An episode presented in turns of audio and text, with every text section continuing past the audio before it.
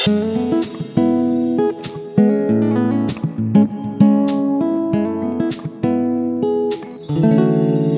halo, senang banget bisa nyapa teman-teman lagi lewat podcast ada sesati. Uh, gue Isel dan kali ini gue sendirian, gue nggak sama Lia dan gue juga nggak punya tamu kayak Lia minggu lalu. Jadi gue bener-bener sendirian. Nggak, nggak, nggak, nggak nangis. Karena bahasan kita hari ini seru banget. Kita akan bahas tentang red flag seperti yang sudah dijanjikan Lia minggu lalu. Uh, masih ada hubungannya dengan podcast minggu lalu. Jadi yang belum dengerin podcast Lia minggu lalu yang ngomongin tentang ghosting, please didengerin dulu karena ini masih ada hubungannya.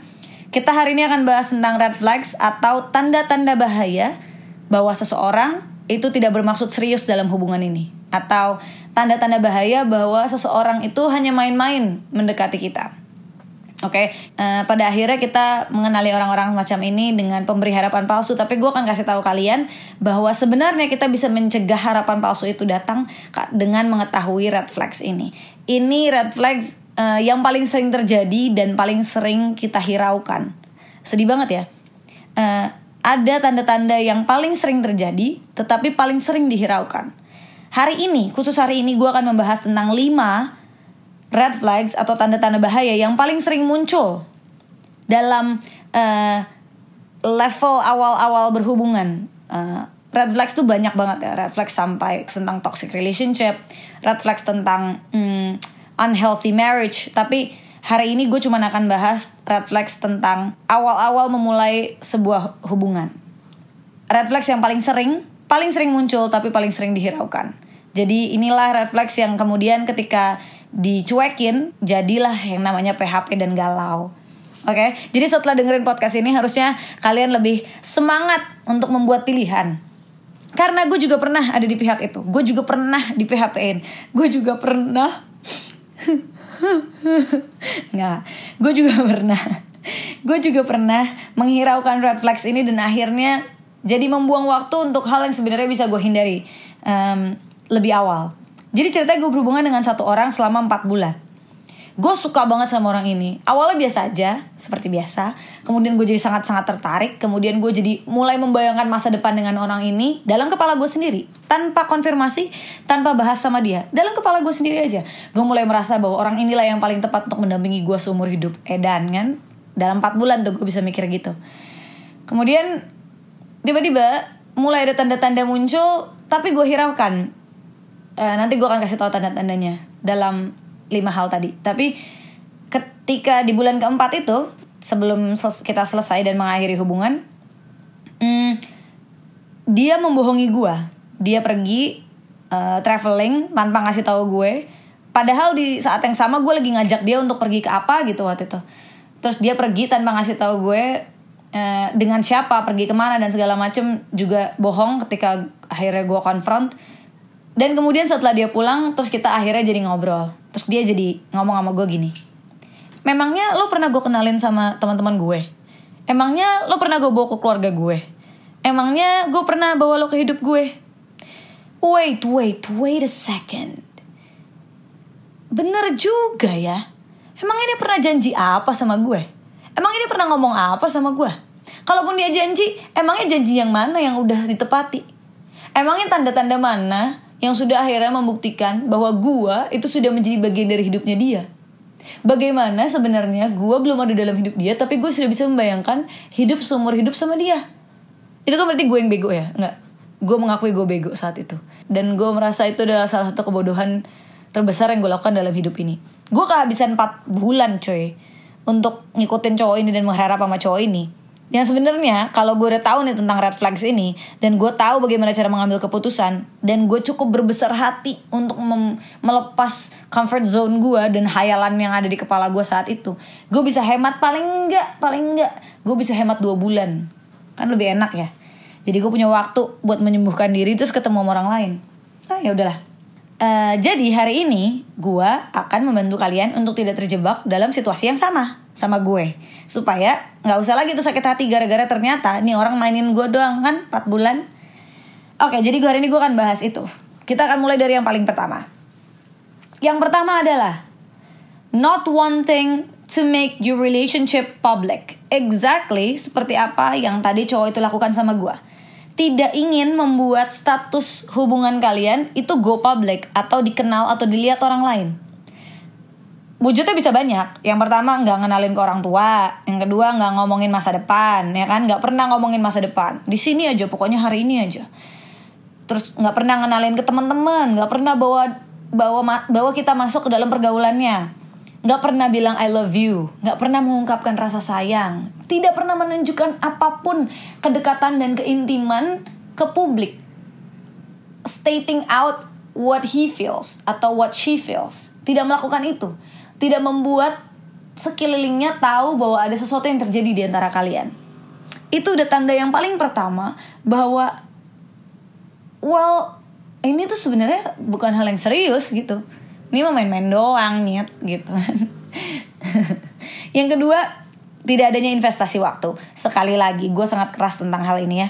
Dengan terhadap diri gue juga tidak ada investasi waktu. Yang gue tidak sadari dari pria itu saat itu adalah gue ketemu dia itu hanya selalu setelah pulang kantor kalau dia lembur ngerti gak?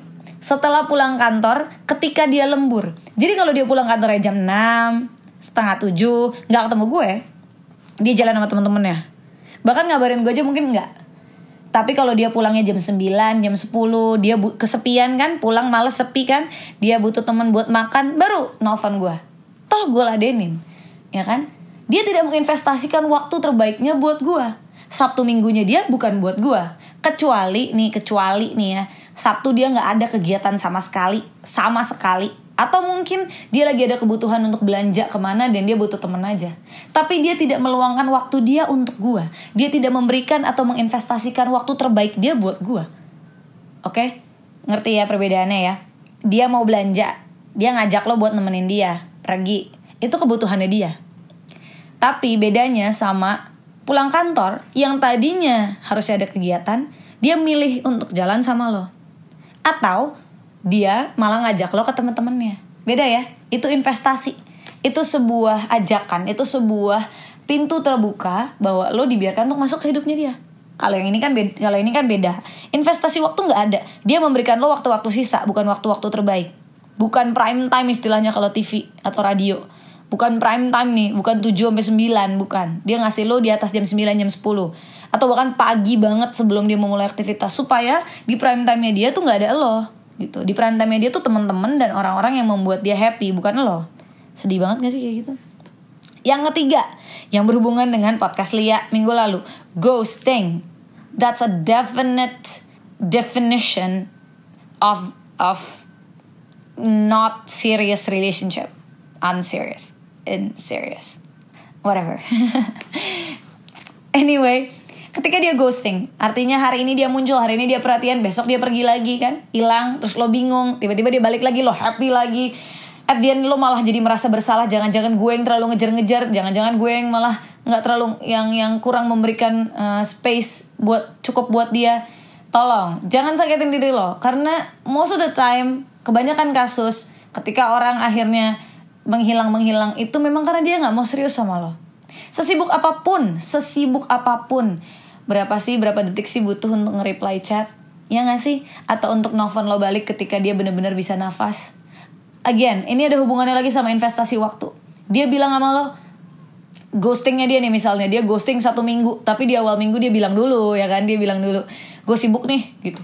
Gue sibuk uh, kayaknya seminggu ke depan bakal ada gini-gini gue nggak bisa ngabarin gitu kan terus kemudian seminggu lo nggak dapet kabar dari dia sama sekali sama sekali. Itu bisa dihitung ghosting loh. Tiba-tiba dia hilang. Eh muncul lagi ya kan? Dat, ya, apa datang tadi jemput pulang tadi antar. Tiba-tiba kan dia hilang balik lagi seminggu kemudian terus dia yang kayak nggak ada nggak ada apa pun yang terjadi. Ya apa kabar? Gimana gimana gimana? Sehat? Eh jalan kali kita yuk. Jalan yuk. Makan kali ini enak nih gitu kan. Tiba-tiba kayak orang sarap aja kayak amnesia itu bisa dikategorikan sebagai ghosting walaupun dia bilang dulu di awal tapi kalau dia menginvestasikan waktunya sama lo, di setiap dia bisa napas nih ya. Kalau memang sibuk tuh sampai bener-bener gak bisa napas sampai sesak banget tuh ya nafas kalau lagi meeting. Setelah meeting dia bisa meluangkan waktu untuk chat, untuk nanya kabar lo atau untuk telepon. Itu namanya investasi waktu.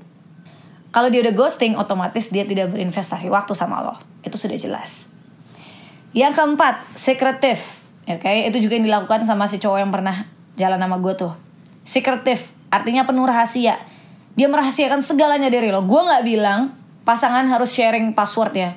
Gue gue sangat menghargai privasi orang dan gue adalah salah satu orang yang paling menentang pasangan berbagi password uh, sosial media lah email lah uh, handphonenya bahkan gitu. Walaupun gue orang yang sangat terbuka juga cuman itu tidak wajib gitu. Tidak tidak harus dilakukan uh, boleh tentu saja tapi tidak harus bukan wajib tetapi ketika dia sama sekali menolak menyembunyikan segalanya dari lo uh, menyembunyikan pekerjaan kantor, teman kantor barunya, menyembunyikan keluarganya, disembunyi-sembunyi nama ibunya. Bahkan kalau tiba-tiba lo lagi telepon nama emaknya, dia pergi-pergi jauh-jauh dari lo, gak boleh denger. E, kemungkinannya cukup tinggi bahwa dia memang lagi main-main. Kalau nggak dia pasti akan terbuka.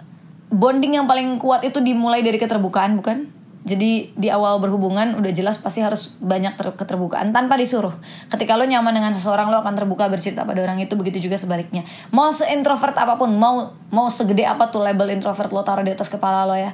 Ketika lo akan bertemu dengan orang tidak akan mudah, mungkin tidak langsung mudah terbuka tapi paling tidak lo tidak akan menyembunyikan hal. Lo tidak akan apalagi sampai menipu ya, apalagi sampai menutup-nutupi. Oke, yang terakhir adalah uh, mereka selalu mencoba mengikat tetapi memberikan arti ambigu untuk sebuah komitmen. Ini bisa dihubungkan dengan gaslighting, itu istilah um, dalam bahasa Inggris yang artinya uh, memutarbalikan fakta sehingga membuat lo ragu terhadap uh, terhadap opini lo sendiri, terhadap apa yang lo percayai. Uh, jadi lo percaya, nih lo udah awalnya percaya nih bahwa sebuah komitmen harus dimulai dengan nembak Oke, okay? ada orang-orang yang nggak percaya itu. Ada orang-orang yang kayak udah jalanin aja, nggak usah pakai nembak-nembakan. Tapi ibaratkan lo adalah orang yang paling percaya bahwa memulai suatu hubungan itu harus di declare, harus diucapkan. Oke, okay, kita adalah pacar. Ya kan? Lo udah yakin tuh. Dan tidak salah. Itu adalah kenyamanan lo. Itu adalah cara lo. Dan orang yang mau masuk ke hidup lo itu menurut gue pantas untuk menghargai itu. Lagian apa sih susahnya untuk cuman kayak ya udah kita pacar oke okay, yaudah gitu kan. Apa susahnya kalau memang udah beneran mau serius ya kan? Gue orang yang kayak gitu soalnya. Gue orang yang yuk di declare kita tuh apa? Nggak harus sampai nembak kayak zaman dulu yang mau nggak jadi pacar gue nggak usah. Tapi kita apa? Pacar? Oke okay. gitu kan. Slow santai gampang. Tapi bayangin kalau misalnya kepercayaan lo itu kemudian diputar balik atau dikasih alasan-alasan yang akhirnya jadi kayak lu yang salah misalnya lo tadi yakin tentang ditembak terus dia akan mulai ngomongin gue pengen sama lo dan gue pengen lo aja. Tapi gue nggak bisa main tembak-tembakan gitu. Komitmen tuh terlalu besar buat gue gue pengen sama lo aja tapi gue nggak bisa berkomitmen. Gue takut akan komitmen gue. Gue gue masih ingin melihat dunia. Gue dunia ini luas. Gue masih ingin belajar lebih banyak. Gue masih ingin mengenal lebih banyak orang. Gue tapi gue mau sama lo aja Wah kalimatnya dia puter-puter lah. Gak ada yang salah sama kalimat dia satupun. Dan karena kalimatnya dia gak ada yang salah satupun Lo akan mulai meragukan Apa yang lo tadi anggap benar. Mengerikan bukan. Mengerikan ya. Menurut gue ngeri banget loh. Menurut gue ngeri banget. Ada orang Yang bisa memberikan argumen-argumen luar biasa Yang akhirnya membuat lo jadi ragu sendiri sama diri lo. Dan akhirnya yang paling sering terjadi adalah lo jadi memberikan jalan buat dia, lo memberikan akses buat dia untuk mendapatkan apa yang diinginkan karena lo menganggap itu benar dan lo jadi ragu sama apa apa yang lo pikir. Jadi yang tadi lo udah kayak lo tembak gue dong supaya kita sah nih jadi berhubungan. Tapi lo jadi berpikir aduh dia takut komitmen ya. Ah, aduh nggak usah lah ya. Atau eh lo pengen ditembak? Terus kemudian dia bilang ah norak banget lah ditembak apa sih? Kayak anak SMP dah. Itu nggak ada lah main tembak-tembakan zaman sekarang mah. Ah, apa sih? Kemudian lo yang jadi oh iya ya nggak deng. Dia dia menurut dia kayak anak SMP nggak gue bukan anak SMP oke. Okay. gue nggak usah ditembak. Oke. Okay. terus tiba-tiba ditambah-tambah lagi nih sama sign apa red flags yang sebelum-sebelumnya nih empat yang sebelumnya. Tiba-tiba suatu saat lo jalan terus dia nggak mengenalkan, mengenalkan lo sebagai pacar. Lo mengenal dia mengenalkan lo sebagai temen. Oh iya nih temen baru ketemu terus lo kesel. Terus dia tiba-tiba bisa berargumen. Ya kan gue nggak pernah nembak lo. Kan gue nggak pernah ngedeklar kalau kita pacaran. Terus yang kayak lah Dan ini bisa sekali terjadi. Hanya karena lo dibuat ragu sama keputusan lo sendiri. Yang gue omongin ini di sini bukan tentang uh, lo harus ditembak bukan itu ya. Yang gue omongin juga bukan tentang apakah lo harus berkomitmen apa enggak itu urusan lo ya. Apa pun pilihan dalam hidup lo uh, gue menghargai. Mungkin gue tidak melakukannya tapi gue menghargai. Tapi yang penting as long as you stick to it as long as lo lo memegang itu teguh oke okay? dan lo tidak membuat orang untuk melakukan apa yang lo inginkan tapi paling tidak lo ketemu di tengah kalau memang tidak sulit dilakukan kenapa enggak dan when a person likes you and a person loves you, they'll they'll go the extra mile. Ketika orang mencintai lo, mereka akan melangkah lebih jauh dari comfort zone mereka untuk menyenangkan hati lo kok. Gitu. Jadi kalau sampai kalau sampai lima sinyal-sinyal bahaya ini muncul, sebaiknya jangan dihiraukan karena mungkin benar. Dan biasanya kalau udah muncul satu akan muncul dua. Tunggu aja waktunya sampai akan muncul tiga. Tunggu aja waktunya sampai muncul semua dan kalau udah muncul satu, coba nggak usah terlalu khawatir dan jadi akhirnya warawiri, kekhawatiran nggak jelas gitu, nggak nggak puguh. Um, yang penting lo udah tanemin, lo tahu, wah ini kayaknya ada yang nggak beres nih gitu kan. Terus lo lo pantau lagi sampai ternyata muncul yang kedua dan ketiga, dan lo tentukan kapan lo harus mengambil keputusan dan bilang enough, enough is enough. Udah saatnya gue berhenti, udah saatnya gue keluar dari hubungan ini karena ini gak sehat dan gue mencari yang baru. Menyembuhkan diri dan kemudian mencoba untuk jatuh cinta lagi. Dan honey the next one's gonna be better. Oke? Okay? yang berikutnya akan lebih baik. Terutama karena kita sudah lebih pintar. Terutama karena kita sudah lebih siap. Dan kita sudah tahu apa yang harus kita lakukan dan kita tidak lakukan. Dan kita udah tahu juga seperti apa orang yang kita inginkan. Dan kita juga udah lebih tahu standar kita seperti apa sih. Or kita tuh mau mau di mau diperlakukan seperti apa sih? Kita udah tahu karena rasa sakit yang sebelumnya. Jadi kalau kalian sekarang lagi merasakan hal ini lagi ada tanda-tanda membingungkan dari si dia is banyak banget cerita yang masuk ke desa sati tentang eh, sikap-sikap membingungkan dari si calon pasangan ini calon pacar.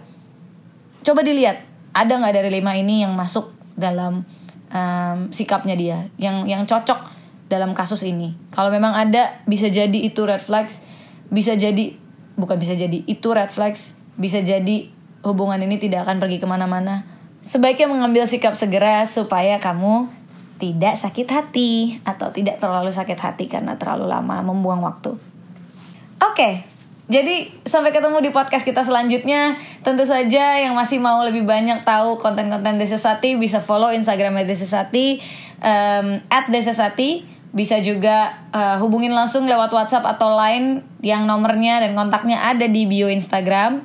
Bisa juga langsung artikel-artikel terbaru This is Sati dibaca di website thisissati.com. Jangan lupa untuk dengerin uh, podcast is Sati juga yang akan keluar setiap hari Selasa. Sampai ketemu di podcast is Sati selanjutnya. Dah.